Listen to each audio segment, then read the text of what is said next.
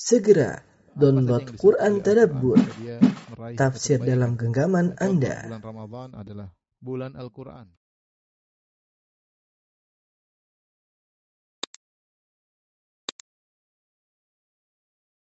Bismillahirrahmanirrahim. Assalamualaikum warahmatullahi wabarakatuh. Alhamdulillahi ala ihsani wa syukru lahu ala taufiqihi wa amtinani. Wa asyhadu an la ilaha illallah wahdahu la syarika lahu ta'ziman li sya'nih. Wa asyhadu anna Muhammadan abduhu wa rasuluhu da'ila ridwani. Allahumma salli alaihi wa ala alihi wa ashabihi wa ikhwani. Uh, Ibu-ibu sekalian, uh, Majelis Ta'lim al-Ittiba yang dirahmati Allah Subhanahu wa taala.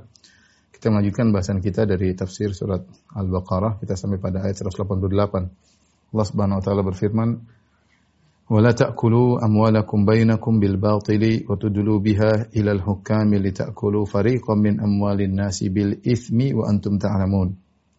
Dan janganlah sebagian kalian memakan harta sebagian yang lain di antara kalian dengan cara yang batil, yang tidak benar. Dan janganlah kalian membawa urusan harta itu kepada hakim supaya kamu dapat agar kalian dapat memakan sebagian harta orang lain dengan cara dosa padahal kalian mengetahui. Ayat ini tentang larangan uh, memakan harta saudara sesama muslim ya dengan cara yang batil. Ya dan ayat ini uh, kelanjutan dari uh, larangan makan ketika sedang uh, berpuasa ya, ketika sedang berpuasa kita dilarang makan uh, dan itu dilarang makan dan minum pada waktu yang uh, khusus ya, pada waktu yang khusus yaitu ketika di bulan Ramadan. Di antara bentuk larangan makan juga ya adalah larangan makan dengan cara yang uh, batil ya. Allah Subhanahu wa taala berfirman dalam ayat ini Allah Subhanahu wa taala wala ta'kulu amwalakum bainakum bil batil. Ya. Janganlah kalian memakan harta kalian. Di sini Allah mengatakan harta kalian. harta kalian. Jangan makan harta kalian. Di sini Allah menggunakan domir kum kalian. Ya. Seakan-akan kalau kita memakan harta uh, saudara kita seperti kita makan harta sendiri ya. ya. Faedahnya apa? Jika kita memakan harta saudara sesama muslim seperti memakan harta sendiri. Kenapa? Karena kita adalah satu kesatuan. Ya. Kata Rasulullah SAW, uh, apa namanya al, -mus, al, al muslim uh, al muslim uh, seorang muslim dengan muslim yang lain kabunian seperti bangunan yashuddu ba'dhum ba'dha saling menguatkan di antara satu dengan yang lainnya ya. Demikian juga seperti uh, apa namanya uh, hadis Nabi sallallahu alaihi wasallam asal mu'minina fi tawadihim wa tarahumihim wa ta'atufihim kamathal jasadil wahid.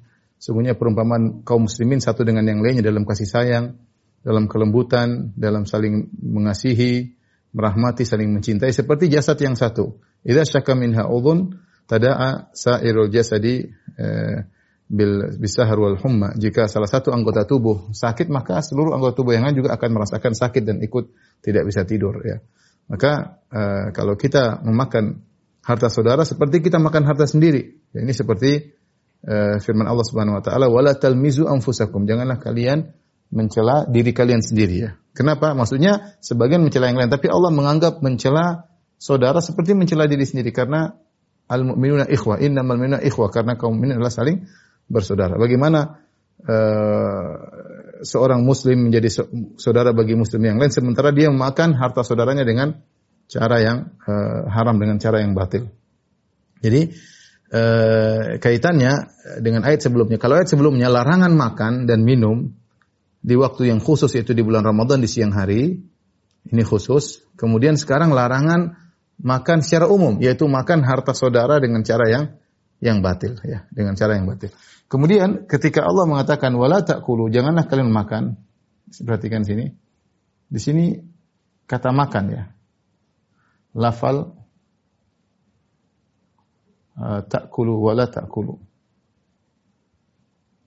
Makan, memakan. Uh, bukan uh, apa namanya? Ini sebagai hanya sebagai sampel ya. Bukan berarti kalau menggunakan harta orang lain boleh, kalau merusak harta orang lain boleh. Enggak, ini memakan adalah salah satu bentuk mengambil manfaat dari saudara kita dengan cara yang batil di antaranya memakan. Ya. Namun ini hanya sebagai apa? Sebagai uh, contoh. Sebagai contoh mengambil manfaat tanpa izin. Manfaat dari saudara dari harta saudara saudara tanpa hak. Ya. Dan dia berlaku pada yang lain juga dan umum berlaku pada yang lain.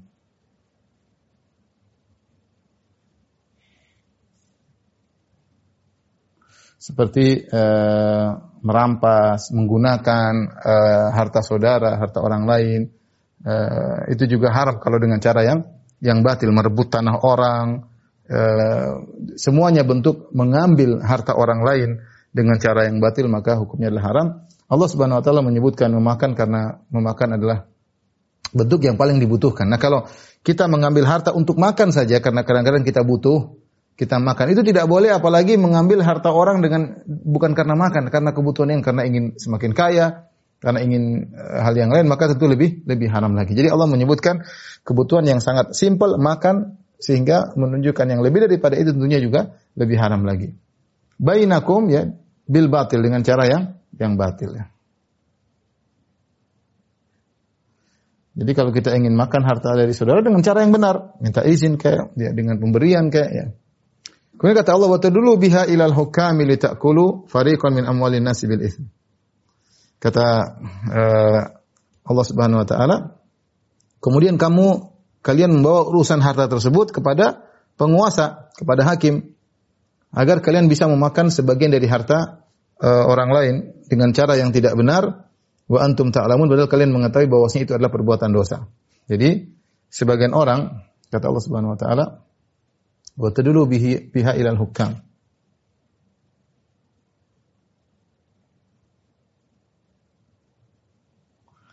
Kalian bawa urusan harta kepada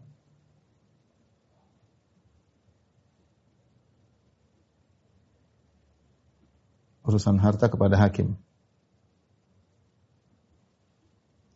Ini ada dua tafsiran di kalangan para ulama. Maksudnya bagaimana? Ini di antara salah satu cara eh, cara-cara mengambil harta saudara dengan cara yang batil. Mengambil harta saudara dengan cara yang batil. Ini contohnya. Para ulama subhanahu para ulama rahimahullah ya menyebutkan dua contoh ada khilaf di kalangan para ulama tentang ayat ini.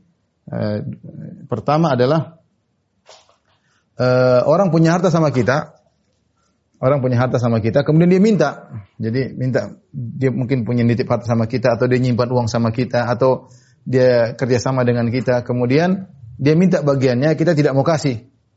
Misalnya kita tidak mau kasih, akhirnya dia nuntut kita bawa ke mahkamah, kita bawa ke pengadilan.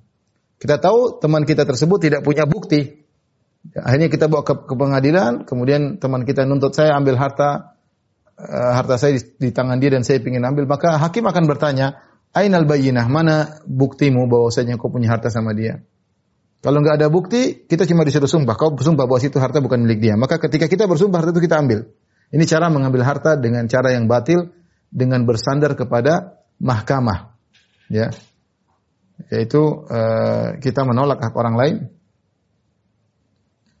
menahan harta orang lain di depan hakim karena orang lain tersebut tidak punya bukti.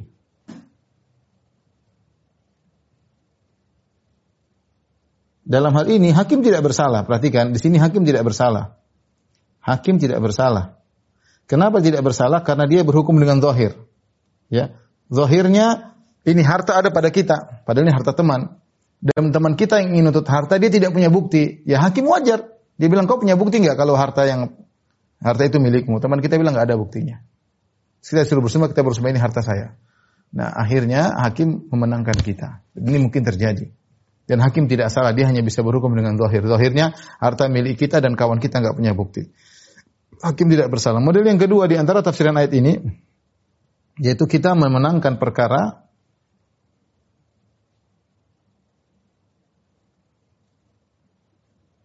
dengan riswah. Dengan riswah menyogok ya. Menyogok hakim. Ya, mungkin atau dengan menyogok hakim atau hakim adalah keluarga kita, teman kita. Ya, dan ini hakim dosa besar ya. Hakim berdosa besar. Kita juga berdosa besar. Ya. Ini maksudnya waktu dulu jadi cara untuk makan harta haram banyak ya. Sekarang zaman sekarang banyak orang bisa mengklaim itu harta dia, dia bikin sertifikat palsu kayak apa kayak dengan cara undang-undang. Ya, hakim terkadang eh, dua hakim ada hakim yang dia jujur tapi dia menilai dengan surat-surat yang ada.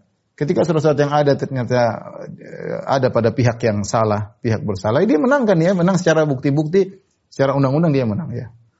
ya. Tapi ada cara yang kedua yang eh, parah yaitu hakimnya di disogok. Hakimnya sudah tahu bahwasanya kita salah namun kita sogok dia wali billah kemudian akhirnya dia menangkan kita ini banyak terjadi di di mana-mana termasuk di tanah air. Makanya Allah mengatakan waktu dulu biha ilal hukam li ta'kulu fariqam min amwalin nas. Kalian kemudian bawa perkara tersebut kepada hakim agar kalian bisa memakan sebagian harta orang lain ya bil ithmi dengan cara dosa. Wa antum ta'lamun padahal kalian mengetahui. Ini perkara yang sangat sangat. Kalian makan harta orang padahal kalian tahu itu adalah dosa tapi kita lanjut pada ayat berikutnya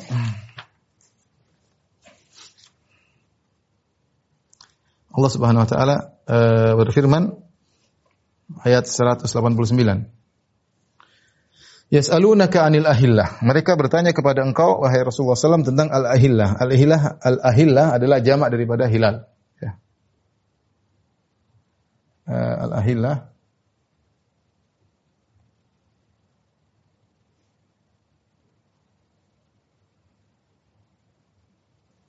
Al-ahillah jamak dari hilal, al-hilal. Hilal kita tahu yaitu awal bulan. Bulan adalah awal bulan. Bulan sabit ya. Yang pertama kali muncul, awal kali muncul. Awal bulan sabit. Yas'alunaka 'anil ahillah. Mereka bertanya, itu para sahabat bertanya kepada engkau wahai Rasulullah SAW tentang apa hikmah adanya hilal-hilal. Qul hiya wal hajj. Katakanlah bahwasanya bulan sabit itu adalah tanda-tanda waktu bagi manusia. Mawaqit jamak dari miqat. Miqat adalah waktu yang ditentukan untuk sesuatu, waktu yang ditentukan untuk uh, sesuatu ya.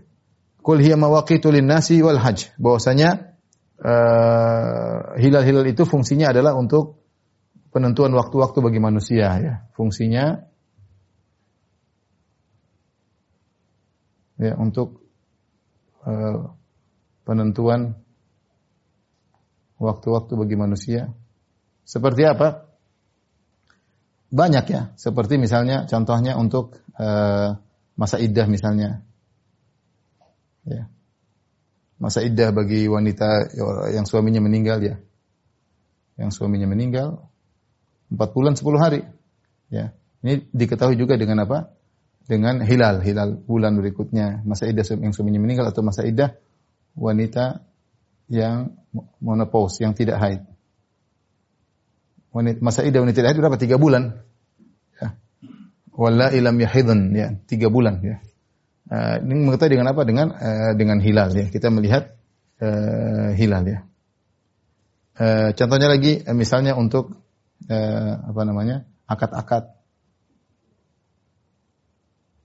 Akad-akad dengan apa namanya?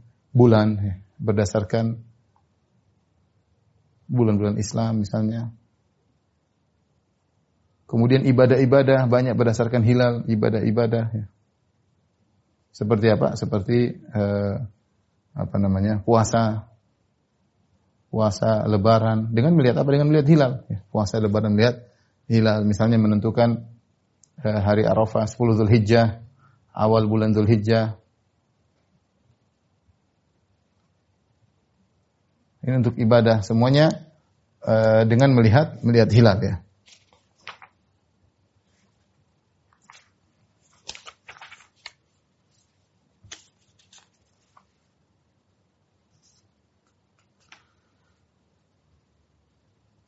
Kemudian juga Allah mengatakan wal hajj di antara fungsi hilal adalah untuk menentukan waktu haji ya. Kemudian Allah menyebutkan secara khusus di antara fungsi hilal adalah berkaitan ibadah adalah untuk waktu haji. Karena Allah menjelaskan bahwasanya haji itu wal al hajju asyhurun ma'lumat dalam ayat yang lain kata Allah al hajju asyhurun ma'lumat. Haji itu bulannya sudah diketahui. Bulan haji yaitu Syawal, uh, kemudian Zulqa'dah dan uh, Zulhijjah. Ini bulan-bulan haji. Dan bagaimana kita menentukan Syawal, Zulqa'dah dan Zulhijjah adalah dengan melihat melihat hilal, dengan melihat hilal. Dan ini menunjukkan ibu-ibu yang dirahmati Allah Subhanahu wa taala bahwasanya kehidupan kaum muslimin terkait dengan uh, kalender Hijriah ya.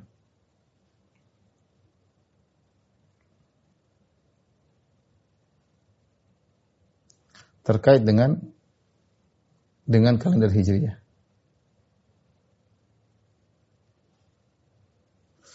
Lupa juga di antara bentuk ibadah misalnya waktu bayar zakat ya. Haul zakat. Haul zakat juga dengan uh, haul zakat juga dengan uh, bulan kalender Hijriah. Jadi kaum muslimin terkait dengan kalender Hijriah bukan Syamsiyah. Bukan Masehi. Maka uh, seorang muslim berusaha untuk tetap mengabadikan kalender Hijriyah karena keterkaitan ibadah mereka dengan kalender apa? Hijriyah ya. Uh, beda dengan orang-orang non muslim maka mereka bersandar kepada uh, bulan Masih. Dan ini menunjukkan mudahnya Islam ya. Mudahnya Islam. Kenapa mudah? Karena perjalanan karena perjalanan rembulan bisa dilihat dengan mudah. Karena gerakan uh, perjalanan rembulan rembulan bisa diamati dengan mudah. Hilal ya. Hanya kita aja malas, sebenarnya mudah. Jadi orang orang semua orang sebenarnya bisa lihat hilal menentukan awal bulan, ya, cuma kita tidak belajar ya. Dan matahari matahari sulit ya, sulit harus ada ahlinya khusus. Jadi intinya menunjukkan akan mudahnya uh, mudahnya Islam uh, sehingga terkait dengan uh, masalah hilal. Kemudian setelah itu Allah berfirman walaisal birru bi an ta'tul buyuta min zuhuriha. Dan bukanlah kebaikan kalian um, masuk rumah-rumah lewat belakang. Ini siapa? Ini terkait dengan orang-orang Ansar dahulu selain orang Quraisy, selain orang Quraisy, bagian kaum muslimin selain Quraisy, kalau mereka berihram dengan ihram haji atau ihram umrah, mereka merasa tidak boleh masuk rumah lewat pintu depan, nggak boleh. Karena mereka merasa bahwasanya ihram mereka akan batal. Kalau sudah pakaikan ihram, nggak boleh lagi. Jadi kalau mereka mau masuk rumah, mereka manjat pagar dari belakang. Jadi mereka tidak masuk lewat depan. Mereka menganggap itu adalah kurbah, ibadah kepada Allah Subhanahu wa taala. Mereka merasa itu ibadah kepada Allah. Maka Allah tegur, kata Allah, "Walaisal birru bi an ta'tul buyuta min zuhuriha." Bukanlah kebaikan adalah kalian masuk rumah lewat belakang. Ya, bukan dari dari dari dari belakang naik ke atas, nggak boleh. Ya. Walakinnal birra man taqwa, man taqwa akan tapi kebaikan adalah dengan bertakwa. Ini dalil bahwasanya tradisi tidak bisa menjadi ibadah. Ini kebiasaan, kebiasaan kaum Ansar. Bahwasanya kalau mereka sudah berihram, mereka tidak mau masuk rumah lagi lewat pintu depan. Karena kalau mereka masuk rumah lewat pintu depan, mereka batal ihramnya. Mereka harus lewat belakang sehingga mereka manjat pagar dan mereka tidak masuk lewat pintu depan. Mereka menganggap satu ibadah, mereka menganggap suatu kebaikan, ini tradisi. Tapi Allah bantah kata Allah walaisal birru, bukanlah itu kebaikan. Itu bukan ibadah. Maka dari sini kita bisa ambil dalil bahwasanya tradisi tidak mungkin dirubah jadi ibadah kecuali dengan dalil. Kalau nggak dalilnya tradisi tetap tradisi. Bahkan kalau tradisi salah, meskipun dianggap sebagai ibadah tetap disalahkan. Allah Subhanahu wa taala menyalahkan tradisi mereka, mereka anggap baik ya. Namun dianggap salah oleh Allah Subhanahu wa taala. Walakinnal birra man tetapi uh, walakinnal birra man tapi yang benar kebaikan adalah siapa yang bertakwa kepada Allah Subhanahu wa taala. Allah berfirman waqtul buyuta min abwabiha. Ya, waqtul buyuta min abwabiha. Sudah tadi?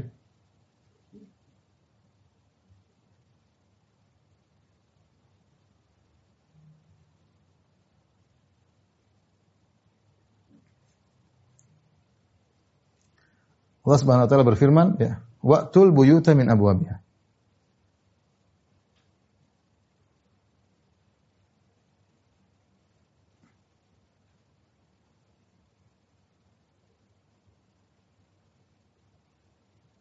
masuklah datangilah rumah lewat pintunya ya masukilah rumah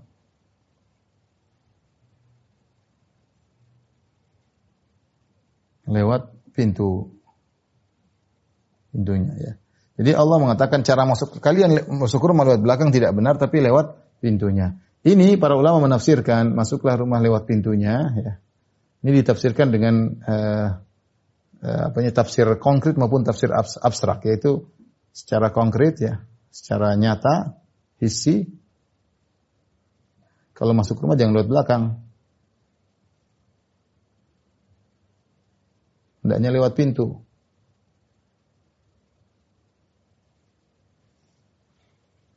Secara maknawi, secara maknawi, eh, kerjakanlah sesuatu dengan aturannya. Sesuatu dengan aturannya. Ini disebut oleh Syekh Sa'di rahimahullah ta'ala. Maksudnya bagaimana? Anda kalau mau ketemu dengan seseorang, ya ikut aturannya. Lewat pintu, bagaimana harusnya. Eh, kalau kita berbicara dengan apa namanya seorang uh, penguasa atau pejabat tentu ada caranya. Tidak sama ketika berbicara dengan anak kecil, tidak sama ketika berbicara dengan para para mahasiswa mahasiswa beda. Ya, ini namanya kita masuk lewat pintunya. Ya, caranya begini. Ya, ap apa pun kita tahu apa sih sebenarnya caranya bagaimana, prosedurnya bagaimana. Nah, kita diajari oleh Allah dalam melakukan sesuatu ikut prosedur. Waktul buyuta min abwabiha. Masuklah dengan uh, cara yang uh, yang tepat. Tidak asal gerasa gerusu, asal nerobos, uh, kata orang apa namanya, selonong boy, enggak, enggak boleh. Ya, Allah mengajarkan adab ini adalah adab yang adab yang mulia. Ya. ya. Adab mulia segala sesuatu harus ikut ikut aturan. Uh, wattaqullah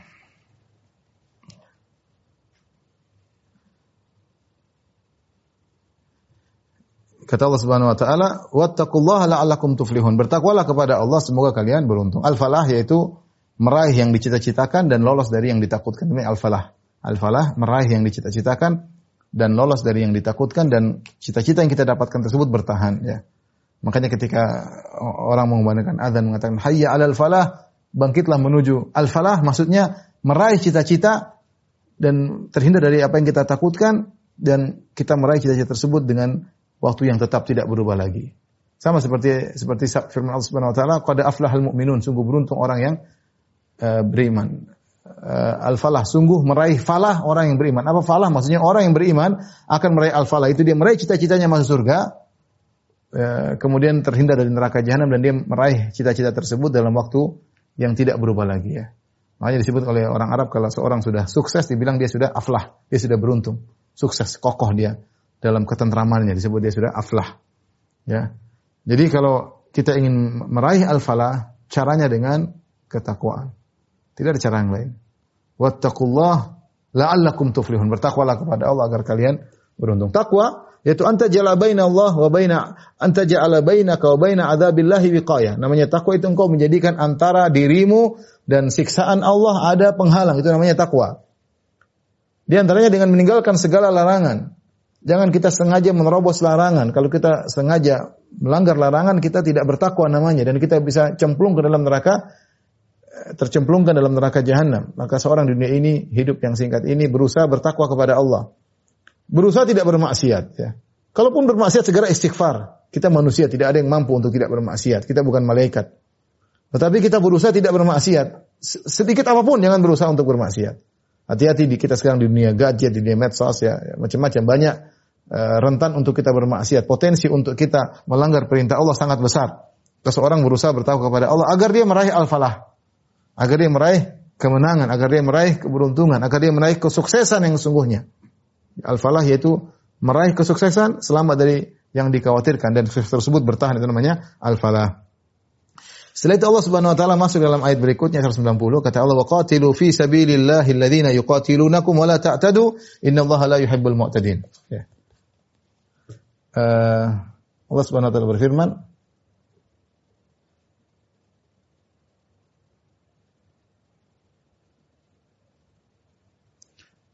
Wa qatilu fi sabilillah ya.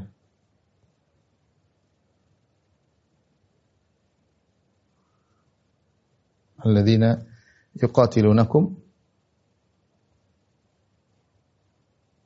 wala ta'tadu.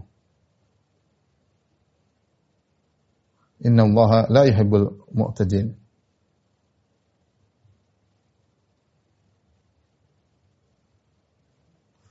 Perhatikan kata Allah Subhanahu wa taala, berperanglah dan berperanglah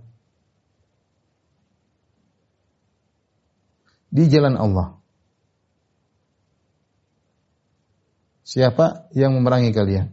Orang-orang yang memerangi kalian. Wala ta'tadu, jangan melanggar, jangan melampaui batas.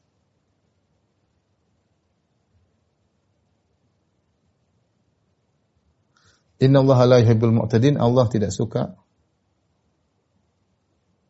dengan yang melampaui batas.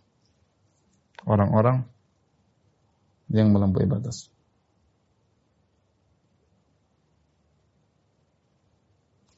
Perhatikan waqatilu kita itu berjihad, berperanglah, itu maksudnya berjihad ya.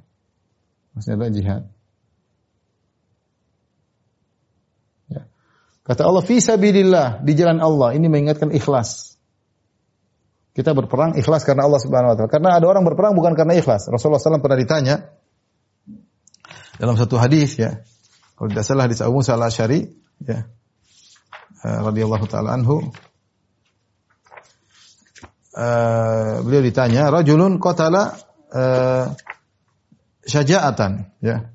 Ya Rasulullah ada seorang berperang karena menunjukkan keberaniannya, ya. Kemudian rajulun qatala riya'an, ada orang berperang untuk dipuji, untuk dilihat oleh oleh orang lain, ya. Kemudian rajulun qatala liyura makanuhu, ada seorang berperang untuk diketahui kedudukannya. Kemudian rajulun qatala hamiyatan, seorang berperang karena membela sekedar membela sukunya saja, ya. Ayu dzalika fi sabilillah. Siapa di antara mereka yang berperang di jalan Allah Subhanahu wa taala? Maka dia mengatakan man qatala litakuna kalimatullahi lil ulya fa huwa fi sabilillah. Barang siapa yang berperang untuk meninggikan kalimat Allah itulah yang fi sabilillah. Jadi seorang ingat bahwasanya uh, ibadah jihad berperang di jalan Allah ini harus ikhlas. Ya, karena kalau tidak ikhlas maka percuma. Sebagaimana dalam hadis ada seorang diazab di akhirat kelak dia mujahid tapi dia ternyata berjihad karena riya. Maka dia disiksa oleh Allah Subhanahu wa taala. Dalam satu hadis kata Rasulullah SAW dalam satu riwayat, "Rubba qatilin baina saffain Allahu a'lam bi niyati." Betapa banyak orang yang yang yang yang terbunuh di antara dua saf yaitu saf kaum muslimin saf uh, musyrikin. Betapa banyak terbunuh di antara dua saf tersebut Allahu a'lam bi niyatihi. Allah lebih tahu tentang niatnya. Ini isyarat dari Nabi wasallam bahwasanya tidak semua orang uh, berjihad karena ikhlas. Makanya Allah katakan fi sabilillah. Jihad itu fi sabilillah. Bukan untuk dunia, bukan. Karena fi sabilillah harus ikhlas. Siapa yang diperangi? Alladzina yuqatilunakum. Orang yang memerangi kalian itu kafir harbi. Al kafir al harbi. Atau al kufar al harbiyun. Ya, kafir yang memerangi. Bukan sembarang orang kafir tentunya. Sering kita jelaskan bahwasanya orang kafir ada empat ya. Karena orang kafir ada empat model. Ini sudah sering kita sampaikan. Ya, uh, yang satu yang halal darahnya, halal darah dan hartanya. Kemudian yang berikutnya yang haram darah dan hartanya. Adapun yang halal darahnya adalah kafir harbi tadi, kafir harbi yang memerangi kita. Maka kita perangi. Kalau kita nggak perangi, kita yang dibunuh. Kita lawan, kita eh, boleh menumpahkan darahnya, boleh mengambil hartanya. Yaitu. Makanya Allah mengatakan, wa qatilu fi alladhina yuqatilunakum. Ya, perangilah orang-orang yang memerangi kalian. Adapun model kafir yang lain, maka uh, haram, tidak boleh dibunuh seperti kafir uh, kafir muahad, ya, yang punya perjanjian damai.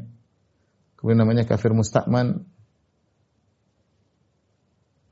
Musta'man yang uh, diberi pengamanan, kemudian namanya lagi kafir zimmi. Kafir zimmi adalah kafir yang tinggal di negara muslim dan membayar jizyah ya. Ini semua tidak boleh di, dibunuh ya. Dan Allah Subhanahu wa taala mengatakan ketika Allah mengatakan Perangilah orang-orang yang memerangi kalian ini bentuk Allah memotivasi. Ingat kalian diperangi maka perangi perangi mereka. Namun kata Allah wala ta'tadu jangan melampaui batas. Jangan melampaui batas. Batasan tersebut I'tida al-i'tida melampaui batas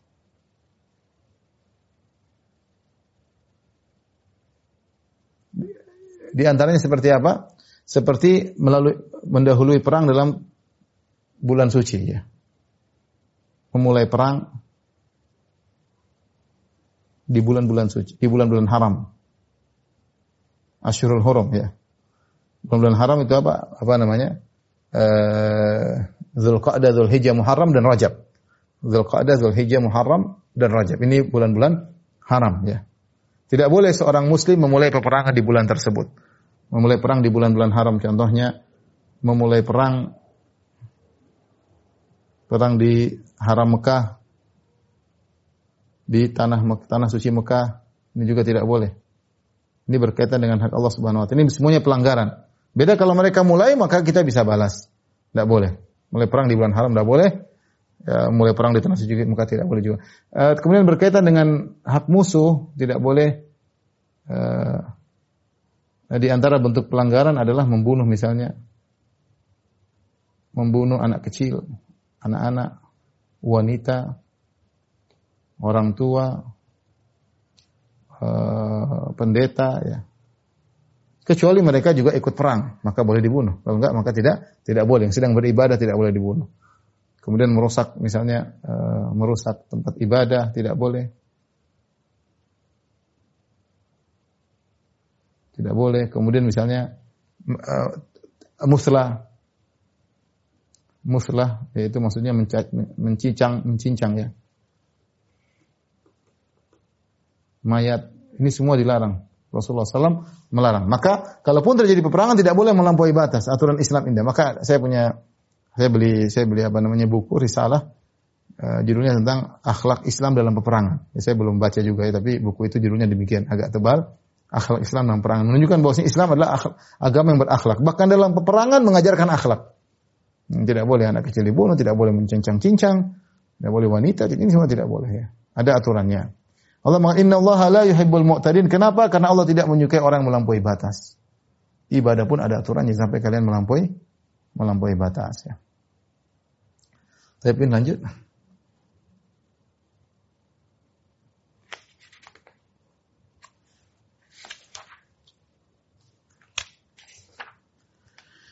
Kemudian Allah Subhanahu wa taala berfirman setelah itu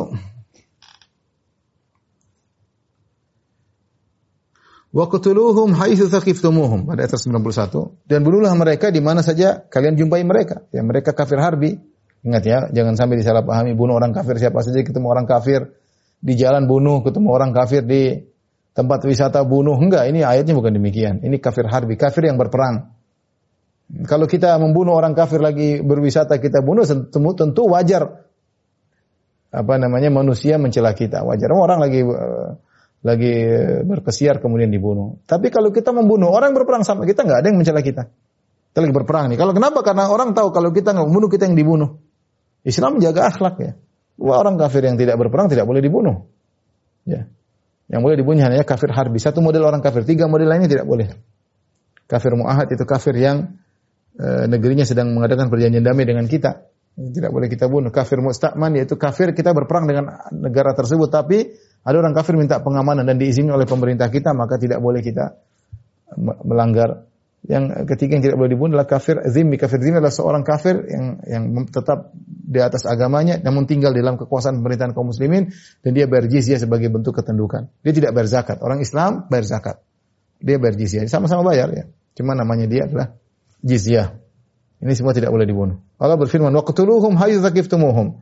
Bunuhlah mereka di mana saja kalian jumpai. Maksudnya orang kafir harbi. Wa akhrijuhum min haitsu akhrajukum dan usirlah mereka, keluarkanlah mereka dari uh, dari tempat di mana kalian dikeluarkan oleh mereka. Itu usir mereka. Ya. Wal fitnatu asyaddu minal qatl dan fitnah itu lebih besar daripada lebih berbahaya daripada uh, daripada pembunuhan. Ini perhatikan, ini sering orang salah paham wal fitnatu asyaddu minal qatl. Fitnah lebih parah dari pembunuhan.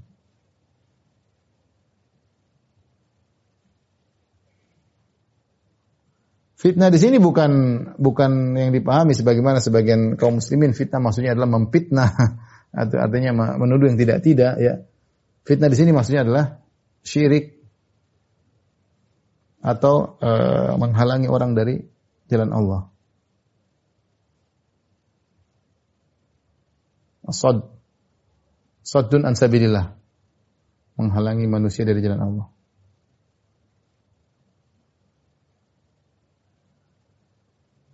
Ya. Ini maksudnya fitnah. Ini lebih parah daripada pembunuhan. Kenapa kalau pembunuhan, kenapa bisa demikian? Karena kalau orang membunuh, dia hanya menghalangi orang dari kelezatan dunia. Tadinya hidup, dibunuh, dia tidak bisa lagi menikmati kehidupan, dia tidak bisa lagi bertemu dengan istri dan anak-anaknya, dia tidak bisa lagi makan enak, dibunuh. Berarti dia memutuskan kelezatan duniawi. Tapi kalau syirik dan juga uh, saddun an menghalangi orang di jalan Allah ini memutuskan kenikmatan duniawi dan kenikmatan akhirat. Yang lebih penting adalah kenikmatan akhirat. Ketika orang syirik maka dia kekal dalam neraka selama-lamanya. Ya. Makanya dikatakan al fitnatu asyadu minal qatl. Syirik lebih parah daripada pembunuhan. Kita nggak bunuh tapi kita bikin orang itu syirik lebih bahaya, lebih bahaya bagi daripada kita bunuh dia. Ini maksudnya ya. Bukan fitnah lebih kecil daripada pembunuhan. Maksudnya fitnah menuduh yang tidak tidak itu istilah kita. Tapi maksud fitnah di sini adalah uh, apa namanya syirik ya. Adalah syirik. Kemudian kata Allah Subhanahu wa taala, "Wala tuqatilu indal Masjidil Haram hatta yuqatilukum fihi." Dan janganlah kalian memerangi mereka di Masjid Haram hatta yuqatilukum fihi sampai mereka yang memerangi kalian di Masjid Haram. Jadi Allah melarang kita mendahului kaum muslimin ketika itu dilarang untuk memulai peperangan ketika di dalam Masjidil Haram. Jangan. Selama dalam Masjidil Haram dilarang untuk menumpahkan darah. Itu aturan yang telah dikenal oleh orang Arab jahiliyah dahulu. Tidak boleh berperang di tanah haram, tidak boleh menumpahkan darah di bulan-bulan haram. Semuanya tidak boleh. Nah, kalau mereka masuk di tanah haram maka tidak ada tidak ada per, peperangan kecuali mereka mulai di luar. Mereka ternyata membunuh kaum muslimin maka boleh. Kata Allah Subhanahu wa taala, "Wala tuqatiluhum indal Masjidil Haram." Jangan kalian perangi mereka kalau mereka di Masjidil Haram hatta yuqatilukum fi sampai mereka yang mulai perang terlebih dahulu. Fa in qataluukum faqatuluhum. Kalau mereka mem mem memerangi kalian maka perangilah mereka. Kadzalika jazaul kafirin. Demikianlah balasan bagi orang-orang yang kafir ya. Jadi membalas boleh tapi ada uh, ada aturannya ya.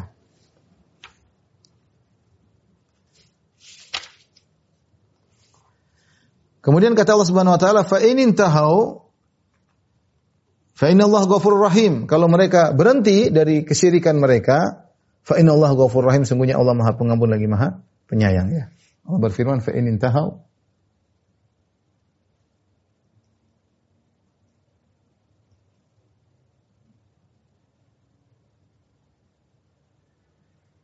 Fa in intahau fa inna Allah ghafurur rahim.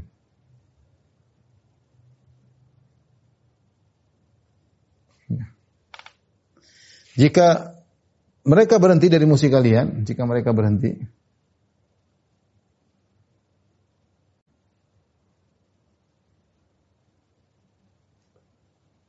dari memusuhi kalian,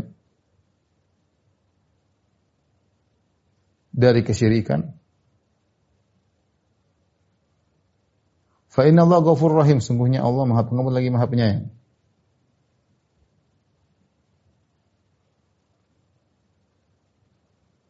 Pengampun dan penyayang.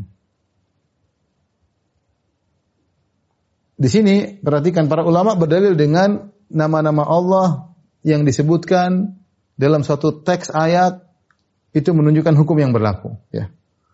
Allah berfirman fa in tahu kalau mereka berhenti, Allah tidak mengatakan maka mereka diampuni dosa-dosanya.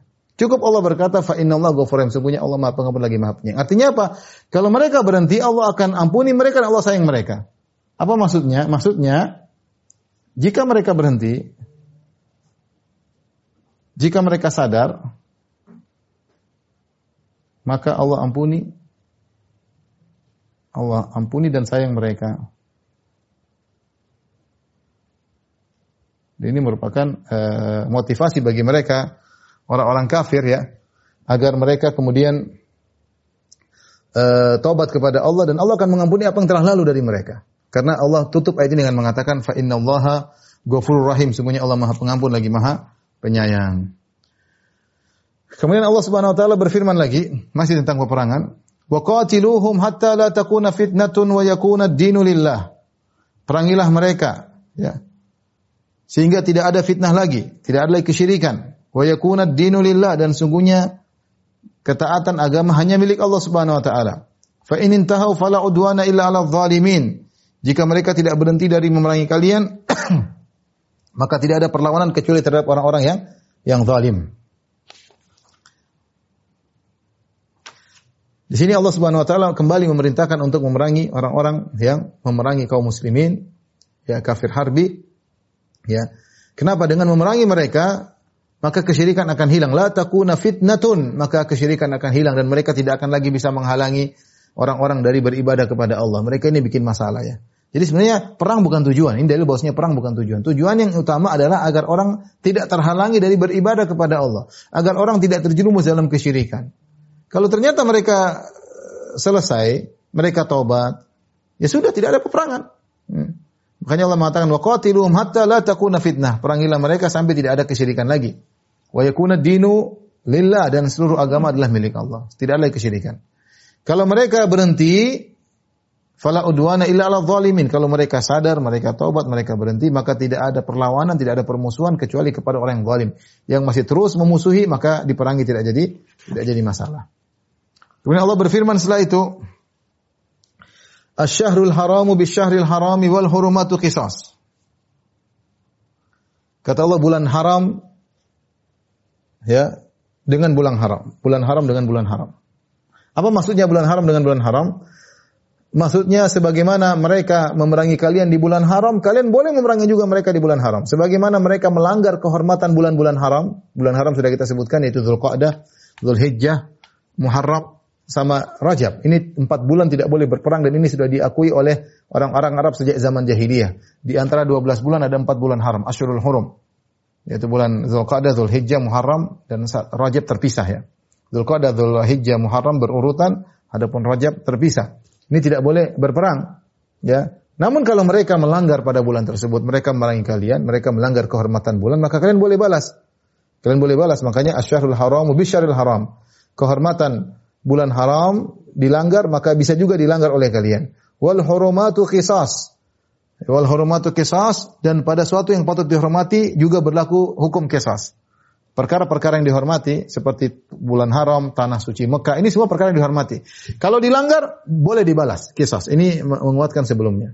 Yaitu Allah Subhanahu wa taala berfirman, "Wala tuqatiluhum indal masjidil harami hatta yuqatilukum fi." Jangan kalian memerangi mereka di tanah suci haram sampai mereka yang duluan mulai. Jadi maksudnya ayat ini, kalau orang kafir melanggar kehormatan bulan-bulan haram dengan memerangi kalian, menumpahkan darah, maka kalian boleh balas. Kisos. Demikian juga kalau mereka melanggar kehormatan tanah suci Mekah yang tidak boleh ada pertumpahan di situ, amandakhalahu kana amina siapa yang masuk harusnya aman. Ternyata mereka menumpahkan darah di tanah suci Mekah, kalian pun boleh mengkisos, kalian boleh boleh balas. Tapi ingat kata Allah, "Famani tada alaikum fa'tadu alaihi bimithli ma tada alaikum." Barang siapa yang apa namanya e, menyerang kalian itu melakukan pelanggaran bagi kalian fa'tadu alaihi maka serangilah dia balaslah dia bimithli ma tada alaikum sesuai dengan apa yang mereka lakukan dia lakukan kepada kalian. Di sini firman Allah Subhanahu wa taala e, e, contoh dari al-hurumatu qisas pelanggaran terhadap perkara-perkara yang dihormati ada kisosnya. Kisos menunjukkan apa? Menunjukkan keadilan sama menunjukkan kesamaan. Di antara praktek daripada kisos, tadi kita sebutkan seperti tadi orang yang mulai peperangan di tanah di bulan haram boleh dibalas juga, yang mulai peperangan di tanah uh, suci Mekah boleh dibalas. Di antaranya kalau ada yang melakukan pelanggaran, kalian juga melakukan boleh melang, menyerang dia, namun sesuai dengan apa yang mereka lakukan, tidak boleh berlebihan. Ini namanya kisos. Oleh karena kalau ada orang menzalimi kita, kita boleh balas sesuai dengan kezalimannya dan ayat seperti ini banyak seperti ayat ini. Faman i'tada alaikum fa'tadu bimithli ma i'tada fa'tadu alaihi bimithli ma i'tada alaikum. Barang siapa yang berbuat zalim kepada kalian maka balaslah kepada dia sesuai dengan apa yang dia lakukan kepada kalian. Allah juga mengatakan wa in aqabtum fa'aqibu bimithli ma uqibtum bih. Kalau kalian membalas maka balas sesuai dengan kalian dizalimi tidak boleh lebih. Allah juga berfirman wa jazaa'u sayyi'atin sayyi'atun mithluha balasan terhadap keburukan adalah keburukan yang semisalnya. Ini cara membalas harus setimpal, tidak boleh ber, berlebihan. Makanya Allah melarang. Wattaqullah bertakwalah kepada Allah jangan sampai kalian membalas dengan berlebihan. Tidak boleh kalian balas dengan berlebihan. Karena kalau kita membalas dengan berlebihan, tadinya kita dizolimi, kita balas dengan berlebihan, jadilah kita yang menzolimi. Dan ini sangat sulit bagi jiwa. Namanya jiwa manusia, kalau dia balas, dia ingin berlebihan. Dia ingin tasyaffi, dia ingin memuaskan dadanya. Ya, makanya ketika dia di eh, dizolimi, dia semangat untuk menzolimi lebih daripada daripada orang mendolimi. Ini sifat manusia. Maka Allah mengatakan wattaqullah bertakwalah. Dalam membalas kezaliman harus bertakwa. Harus setimpal. Kalau tidak, maka kita justru kita yang zalim. Wa'lamu anna Allah ma'al muttaqin. Ketahuilah Allah bersama orang yang bertakwa. Ma'iyah di sini adalah kebersamaan. Kita kita tahu namanya ma'iyatullah. Saya sering sampaikan hal ini. Ya. Bahwasanya ma'iyatullah ada dua ya. Ma'iyatullah, kebersamaan Allah. bersama makhluknya.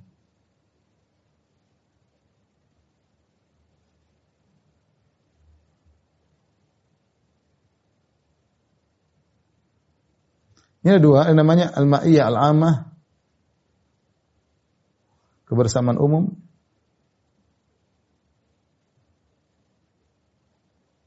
Namanya al-ma'iyah al-khassah. Al-ma'iyah al-khassah. Kebersamaan khusus.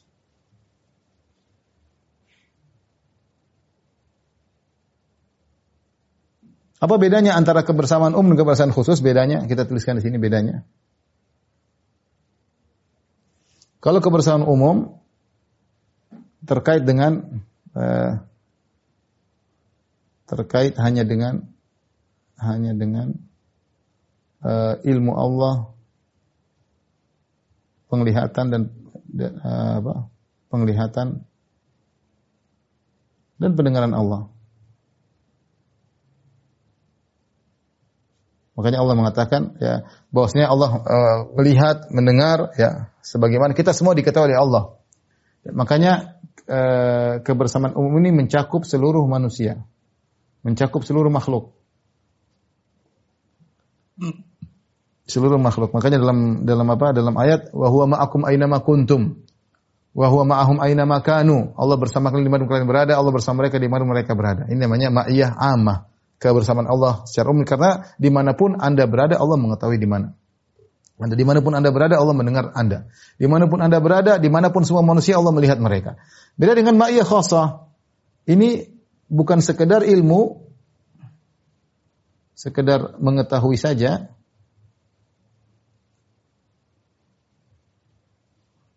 Tapi disertai dengan pertolongan. Dengan pertolongan. Eh, ta'yid wa nasar, pertolongan Allah. Seperti perkataan Nabi Muhammad SAW kepada Abu Bakar ketika mereka ketakutan dalam Goa Jabal Thur, kata Nabi Muhammad, La tahzan inna Allah ma'ana. Jangan kau khawatir, sungguhnya Allah bersama bersama kita. Maksudnya Allah akan tolong kita. Uh, seperti perkataan Allah kepada Nabi Musa dan Harun, Innani ma'akuma asma'u wa ara. Sungguhnya aku bersama kalian wahai Musa dan Harun. Aku mendengar kalian, aku melihat kalian. Maksudnya aku akan menolong kalian. Ya. Kalian selalu dalam awasanku. Ya. Kemudian ma'iyah khasah hanya terkait dengan orang-orang bertakwa, tidak tidak secara umum, hanya terkait dengan orang-orang yang bertakwa. Contoh, Inna Allah ma'al muttaqin. Ya, Inna Allah ma'al muttaqin, Allah bersama orang bertakwa. Contohnya, Inna Allah ma'al sabirin, Allah bersama orang-orang uh, yang sabar. Uh, inna, inna, apa, inna Allah ma'al ladhina taqaw wal ladhina hum muhsinun. Allah bersama orang yang ihsan. Ini kebersamaan khusus yang hanya diraih oleh sebagian orang, yaitu Allah akan menolong mereka dan Allah akan membantu mereka. Jadi e, kalau kita ingin Allah bersama kita bertakwa. Kita adalah membalas kezaliman dengan ketakwaan. Kalau kita tidak bertakwa, kita akan balas kezaliman dengan berlebihan. Itu sifat manusia. Ya. Dia bilang kita ngata-ngatain kita dengan dua kata-kata, kita kata-katain sepuluh kata-kata kalau perlu. Kalau dia tonjok kita dua kali tunjukkan, kita tonjok dia sampai seribu tonjokan. Agar apa? Tasyafi, agar dada ini menjadi lapang. Puas. Sifat manusia. Maka Allah ingatkan, dalam membalas pun, wattaqullah, bertakwalah. Wa'lamu dan ketahuilah inna Allah ma'al muttaqin. Allah bersama orang yang bertakwa. Kalau kita bertakwa, Allah bersama kita. Permasalahan apa pun kita bertakwa, Allah bersama kita. Kalau Allah sudah bersama kita, pasti ada solusi, ada jalan keluar. Wa may taqilla ja'alahu makhraja. Siapa yang bertakwa, Allah jadikan jalan keluar ya. Jadi ini perbedaan antara ma'iyah amma dengan ma'iyah khasah. Dan ini kebersamaan Allah ini tidak melazimkan Allah uh, tidak melazimkan zat Allah di bumi bercampur dengan bercampur atau bersatu dengan zat makhluk. Ini tidak tidak tidak melazimkan demikian. Tidakkah kita mengatakan uh, rembulan bersama kita, seorang bersama berjalan, kita ini mengatakan rembulan senantiasa bersama kita. Padahal rembulannya di atas, tidak tidak turun ke bumi, tidak bergabung dengan tubuh kita. Bilangnya sama-sama, sama-sama berjalan, kita berjalan dan rembulan berjalan bersama kita. Namun bukan berarti rembulan tersebut gabung dengan. Jadi kebersamaan tidak melazimkan imtizaj, tidak melazimkan melazimkan uh, ikhtilat persatuan atau bercampurnya. Allah Subhanahu wa taala bersama dengan makhluknya dengan ilmunya yaitu ma'iyah amah kebersamaan umum atau dengan pertolongannya ma'iyah khasah dan Allah tetap berada di atas arsy. Ya. Baik, kita lanjutkan. Ayat yang terakhir kata Allah Subhanahu wa taala wa anfiqu fi sabilillah wa la tulqu bi aydikum ila tahlukah wa ahsinu innallaha yuhibbul muhsinin.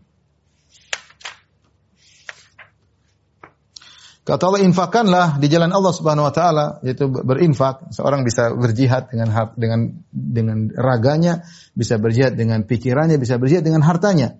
Wa anfiqu fi sabilillah berinfaklah di jalan Allah Subhanahu wa taala. Wa la tulqu bi aydikum ila tahluka dan janganlah kalian melemparkan diri kalian dalam kebinasaan. Apa maksud dari ayat ini? Maksudnya sebagaimana dijelaskan dalam riwayat, saya bacakan riwayat tersebut ya. An Hudzaifah radhiyallahu taala anhu dari Hudzaifah radhiyallahu anhu tentang firman Allah wa anfiqu fi sabilillah wa la tulqu bi aydikum ila tahlukah. Jangan kalian melemparkan diri kalian dalam kebinasaan ya. Dan janganlah kalian menjatuhkan diri kalian dalam kebinasaan. Maksudnya nazalat fin nafaqah. Itu tentang nafkah. Kemudian saya bacakan lagi hadis yang panjang riwayat Tirmizi dan Nasa'i dan Ibn Hibban. Wan Abi Ayyub Al-Ansari radhiyallahu anhu dari Abu Ayyub Al-Ansari radhiyallahu anhu beliau berkata kunna bi Madinati Rum. Kami dulu di dalam peperangan di negeri Romawi. Fa akhraju ilaina saffan aziman minar Rum. Lantas mereka pihak Romawi mengeluarkan saf yang besar eh, untuk berperang, saf pasukan perang mereka. Fa kharaja ilaina muslimin mithluhum aw akthar. Kemudian pasukan kaum muslimin juga mengirimkan orang untuk berhadapan. Jadi saf dengan saf. Pasukan tetap pada tempatnya, tapi biasanya duel sebelum terjadi perangan dua. Jadi mereka kirim beberapa orang, ini juga kirim beberapa orang. Wa ala ahli Mesir Uqbah bin Amir dan penduduk Mesir dipimpin oleh Uqbah bin Amir. Wa ala jamaah Fadalah bin Ubaid. Adapun pasukan yang dipimpin oleh Fadalah bin Ubaid radhiyallahu anhuma. Fahamala rajulun minal muslimin ala safir Rum hatta dakhala alim. Tiba-tiba ada seorang muslim dia dengan pas dengan dengan baju perangnya, dengan pedangnya dia masuk di saf kaum muslimin sendirian, kaum musyrikin. Dia masuk di saf Romawi sendirian untuk berperang. Fasahan nas wa qalu subhanallah yulqi bi yadihi ila tahluka. Orang-orang orang-orang tegur, kenapa dia masuk sendirian? Dia hanya melemparkan diri dalam kebinasaan. Faqama Abu Ayyub Al-Ansari, Abu Ayyub Al-Ansari radhiyallahu anhu berkata, "Ya ayuhan nas," dia tegur, bukan begitu pemahaman, "Innakum la tu'awwiluna hadhil ayah, hadha ta'wil." Kalian memahami ayat ini dengan pemahaman kalian. Padahal ini salah. Wa inna manazalat hadhil ayah fina ma'syaral ansar. Ayat ini pernah turun kepada kami, orang kaum Ansar. Lama azallahu islam wa kathura nasiruhu. Tatkala Islam sudah kuat dan Allah perbanyak para penolongnya. Qala ba'duna li ba'din. Sebagian kami berkata diam-diam tanpa diketahui Rasulullah SAW. Inna amwalana qad da'at. Sudahlah, sudah banyak orang Islam, sudah banyak yang dukung Islam. Sudah kita urus harta kita, sudah banyak yang masuk Islam. Sebagian kami berkata demikian. Karena sudah banyak yang masuk Islam, sudah banyak yang orang Islam, sebagian kami mengatakan sudahlah sekarang kita urus harta. Harta kita sudah mulai hilang. Wa anna Allah qad azal azal Islam wa kasur nasiruhu. Dan Allah telah menolongkan Islam dan telah banyak penolong Islam. Falau aqamna fi amwalina fa aslahna ma dha'a minha. Bagaimana kalau kita ngurus harta kita? Kita perbaiki lagi harta kita yang kurang, yang hilang. Kita urus harta. Maka Allah tegur mereka. Ya, Allah turunkan firman-Nya kepada Nabi Muhammad SAW untuk membantah mereka yaitu anfiqu fi sabilillah wa la tulqu bi aydikum ila tahluka. Berinfaklah jalan Allah, jangan kalian melemparkan diri kalian dalam kebinasaan. Fakana tahlukatu al-iqamata alal amwal. Namanya kebinasaan ini maksud oleh Allah dalam ayat ini adalah ngurusin harta tidak diinfakkan. Al iqamata alal amwal wa islahiha, ngurusin harta tidak diinfakkan. Wa tarkanal ghazu, tidak ikut berperang ngurusin harta. Ya. Jadi itulah ya eh, yang dimaksud dengan janganlah kalian melemparkan diri dalam kebinasaan. Maksudnya jangan kalian terhalangi ya dengan mengurusi dunia sehingga lupa untuk beribadah. Di antaranya kalian punya harta, kalian ngurusin terus proyek, proyek, proyek, tapi tidak pernah berinfak di jalan Allah. Itulah kebinasaan. Kebinasaan bagi kalian di dunia karena sibuk dengan dunia dan kebinasaan di akhirat karena akan pertanggungjawabkan tentang uh, hisab harta tersebut. Makanya di antara bentuk kebinasaan orang yang sibuk dengan dunia lupa dengan beribadah kepada Allah Subhanahu wa taala. Itu kebinasaan yang sesungguhnya. Sibuk dengan dunia lupa dengan ibadah ya. Dan ini makna yang berkaitan langsung dengan ayat ini. Kemudian para ulama juga mengambil keumuman lafal, yaitu jangan juga kita eh, selain makna tadi yang disebutkan, jangan juga kita uh, spekulasi kemudian masukkan diri kita dalam hal yang bisa membinasakan diri kita. Contoh seperti naik mobil kencang-kencang ini bahaya, jangan, tidak boleh. Namanya kita mukhatarah yaitu uh, masuk dalam areal berbahaya. Olahraga yang mungkin seperti berbahaya kemudian bisa menimbulkan kematian, jangan. Hal-hal uh, yang namanya konyol ya. Jangan wala tulqu bi aidikum ila tahluka. Ya, maknanya juga benar artinya jangan kalian melemparkan diri kalian dalam kebinasan. Ngapain? Ya, tidak perlu. Jadi kebinasaan di sini yang paling penting maksudnya adalah kebinasaan e, karena sibuk dengan dunia lupa dengan akhirat. Sibuk dengan urusin proyek terus, harta terus, e, kerjaan-kerjaan lupa dengan akhirat ini binasa. Kau binasakan dirimu sendiri, menghabiskan waktumu untuk dunia, lupa untuk diinfakkan. Makanya kata Allah wa anfiku infak. Kerja silakan, tapi berinfak di jalan Allah Subhanahu wa taala. Allah berfirman wa ahsinu berbuat ihsanlah. Ya, innallaha yuhibbul muhsin. Allah mencintai orang berbuat ihsan. Sama ini Allah tadi Allah bersama orang berbuat ihsan, sekarang Allah mencintai orang berbuat ihsan ya. Berihsan yaitu uh, ketika beramal dengan amal yang baik dan juga ada ihsan yang sunnah yaitu beramal dengan uh, menghadirkan dalam hati bahwasanya seakan-akan kita melihat Allah atau Allah melihat kita. Sehingga ketika kita beramal soleh, hendaknya kita uh, dengan ihsan. Di antaranya berinfak. Kalau berinfak dengan ihsan. Infak di jalan Allah ihsan. Yakin bahwasanya Allah melihat apa yang kita kerjakan. Meskipun tidak ada yang melihat. Ya, kita tahu Allah sedang melihat kita bersedekah. Kita tahu Allah sedang melihat kita berinfak. Maka itulah ihsan dalam berinfak. Uh, Allah alam ini saja yang bisa saya jawab. Ada pertanyaan-pertanyaan saya tidak bisa jawab karena kuat keterbatasan ilmu saya. Uh, insya Allah bisa ditanyakan kepada ustadz yang lainnya. Demikian. Wabillahi taufiq Assalamualaikum warahmatullahi wabarakatuh.